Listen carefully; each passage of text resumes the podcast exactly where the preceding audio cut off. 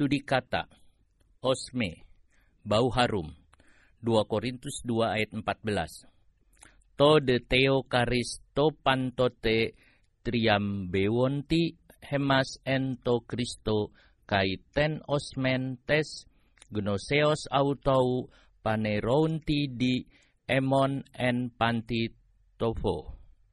Tetapi syukur bagi Allah yang dalam Kristus selalu membawa kami ke jalan kemenangannya. Dengan perantaran kami ia menyebarkan keharuman pengenalan akan dia di mana-mana. Osme berasal dari kata oso yang artinya bau-bauan. Di zaman kuno, osme digunakan untuk menggambarkan bau yang indah seperti bunga, obat, korban bakaran, dan sebagainya. Menurut leksikon BDIG, Osme adalah bau-bauan yang dapat mempengaruhi pikiran seseorang. Misalnya ketika Maria mengurapi kaki Yesus, Yohanes 12 ayat 3, bau harum itu mempengaruhi pikiran semua yang hadir. Pikiran Yudas Iskariot langsung ke harga parfum yang mahal, sehingga ia berkata, ini pemborosan. Tetapi bagi Yesus, bau harum ini mengingatkan hari penguburannya. Menurut Firbeck, Osme atau bau-bauan adalah konsep Timur Tengah untuk mengkomunikasikan sesuatu tentang siapakah dia. Sehingga banyak orang Timur Tengah suka memakai parfum untuk dikenali siapakah yang ada di dekatnya, derajatnya seperti apa. Ah, inilah orang terhormat. Oh, dia orang biasa, sebab bau parfumnya berbeda. Demikian juga ketika kita mencium bau kesucian, langsung kita berkata ada Tuhan di sini. Tetapi kalau bau kebencian, tentu itulah iblis. Paulus dalam ayat ini mengatakan, ketika ia memberitakan Injil, maka terciumlah bau pengenalan akan Tuhan, bahwa Tuhan menyebarkan dirinya kepada orang lain, sehingga semua mengenal dia. Pada zaman Yunani kuno, bau dianggap sebagai pemberi kehidupan. Misalnya, batang pohon hidup karena menerima kehidupan dari bau air. Aristoteles menyebut pandangan orang-orang Pitagoras bahwa beberapa makhluk hidupnya dari bau yang dimilikinya. Oleh karena itu bau dianggap mengandung kekuatan yang memberi hidup. Dalam kitab imamat ada banyak korban bau-bauan yang dipersembahkan kepada Tuhan.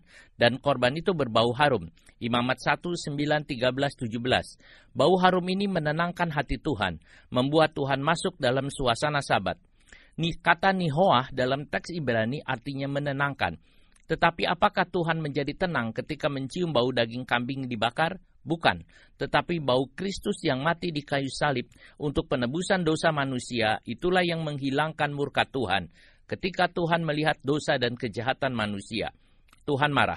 Ketika melihat kebebasan manusia, Tuhan tersinggung. Tetapi ketika Tuhan mencium bau korban Kristus, semua kemarahannya reda dan membuatnya tenang. Tuhan merasakan korban Kristus mengeluarkan bau harum, bau hari perhentian, Tuhan mengenang ketika Yesus di kayu salib dan berkata, Tetelestai, artinya sudah selesai, sudah dibayar lunas, dan ini bau yang menyenangkan Tuhan. Konsep osme sebagai pemberi kehidupan atau kematian muncul dalam 2 Korintus 2 ayat 14 sampai 16, di mana Rasul Paulus memberitakan Injil dan Tuhan menyebarkan bau harum kepada semua orang yang mendengarnya. Tetapi bau harum yang menyebar melalui khotbahnya memiliki efek ganda bagi yang menerima Injil, bau harum itu mendatangkan kehidupan, tetapi bagi yang menolaknya mendatangkan kematian kekal. Saat itu Paulus baru saja selesai memberitahu gereja Korintus tentang kesulitan dan penderitaannya. Meskipun demikian, Tuhan telah menyebabkan Paulus muncul sebagai pemenang. Paulus menggambarkan kemenangan ini dengan menyebutnya sebagai prosesi kemenangan, di mana bau pengenalan tentang Kristus disebarkan. Dia menyinggung tentang para pemimpin militer Roma yang kembali dari pertempuran, mengendarai kereta di jalan, dan menyatakan kemenangan atas musuh-musuh mereka. Sekarang kita dapat lebih memahami 2 Korintus 2.14. Tuhan memberi kemenangan kepada Paulus sepanjang perjalanan penderitaannya. Karena itu Paulus melihat sebagai prosesi kemenangan. Bau yang dipancarkan dan menyebar di sepanjang jalan adalah pengenalan tentang Kristus. Aroma Injil yang memberi hidup. Sepanjang perjalanan, Paulus menyebarkan bau harum. Ini melalui pemberitaannya. Dan ini menyegarkan orang lain dengan kehidupan kekal. Keharuman firman Tuhan adalah bau harum yang menguatkan semua orang yang menerimanya. Jangan biarkan masalah-masalah merugikan Anda. Segarkanlah lingkungan Anda dengan aroma Injil. Amin. Haleluya.